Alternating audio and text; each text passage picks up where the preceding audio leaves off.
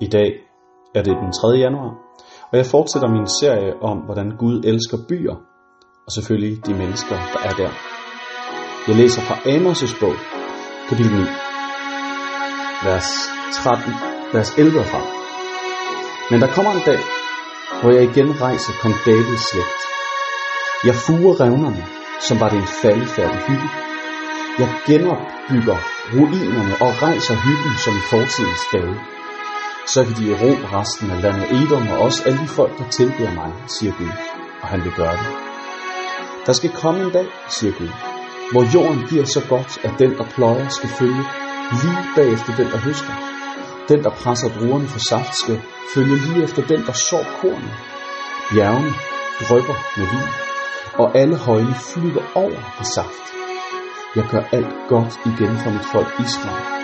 De skal genopbygge de hervede byer og bo i dem. De skal plante vingård og drikke vin. De skal anlægge haver og spise frugten fra dem. Jeg planter dem i deres jord, og de skal aldrig igen rykkes op fra den jord, som jeg har givet dem. Sådan siger Gud. Der findes mange trøstende profetier i det gamle testamente om, hvordan Gud vil genopbygge det ødelagte, genopbygge byer, mure, templet og så videre. Et helt land faktisk. Og det her det er en af de berømte. Hvordan Amos han profeterer til det nedbrudte, til det desillusionerede Israel, at det her bliver ikke enden på jer. De øh, overvældende modstandskræfter, øh, kræfter, som de har skulle bokse med fra andre lande, det er ikke det sidste. De vil ikke bare forblive overvundet og nedtrykt, assimileret og udslettet. Gud han lover, at han vil genopbygge sit folk. Og ikke bare sit folk, men han vil genopbygge de ødelagte byer, huse. Han vil sørge for, at landet det bliver intakt igen.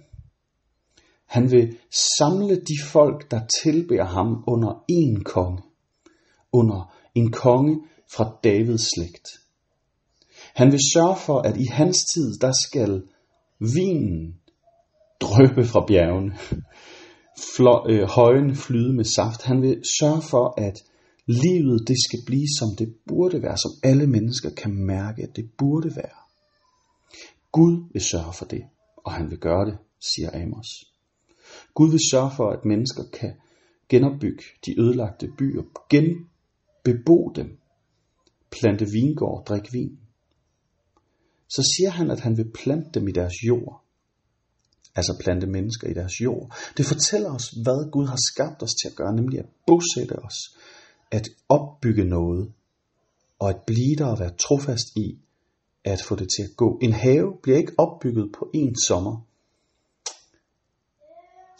Hvis du vil se en have bygges op, så skal du bruge lang tid på det. Når du først har anlagt den, skal du bruge mange år, før du formentlig får lov at se frugten af det, du har plantet.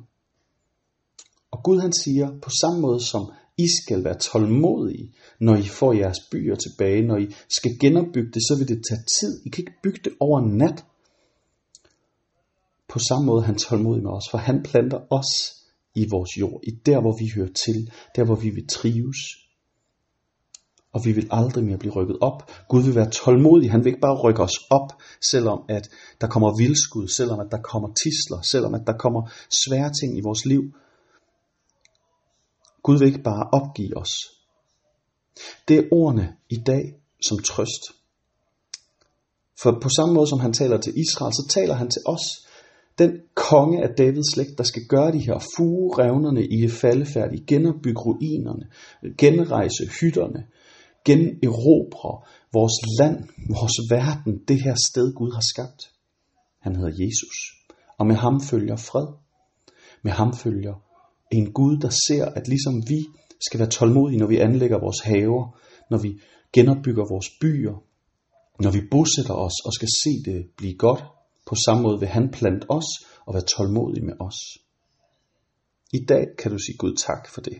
Se dig omkring, der hvor du er. Du er plantet et sted. Som kirke er vi plantet et sted. Og Gud han vil være tålmodig med os, fordi han ved, hvad vi kan blive til, som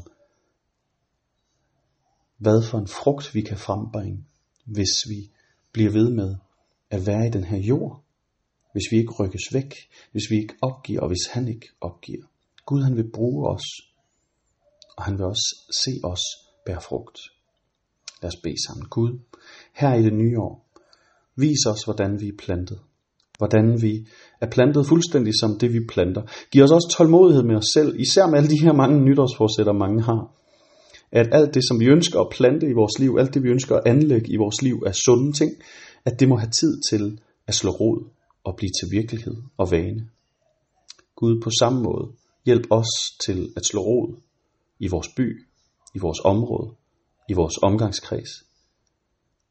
Og hjælp os til en dag at kunne få lov at se frugt af det, som du gør gennem os der. Amen. Giv han en rigtig dejlig dag.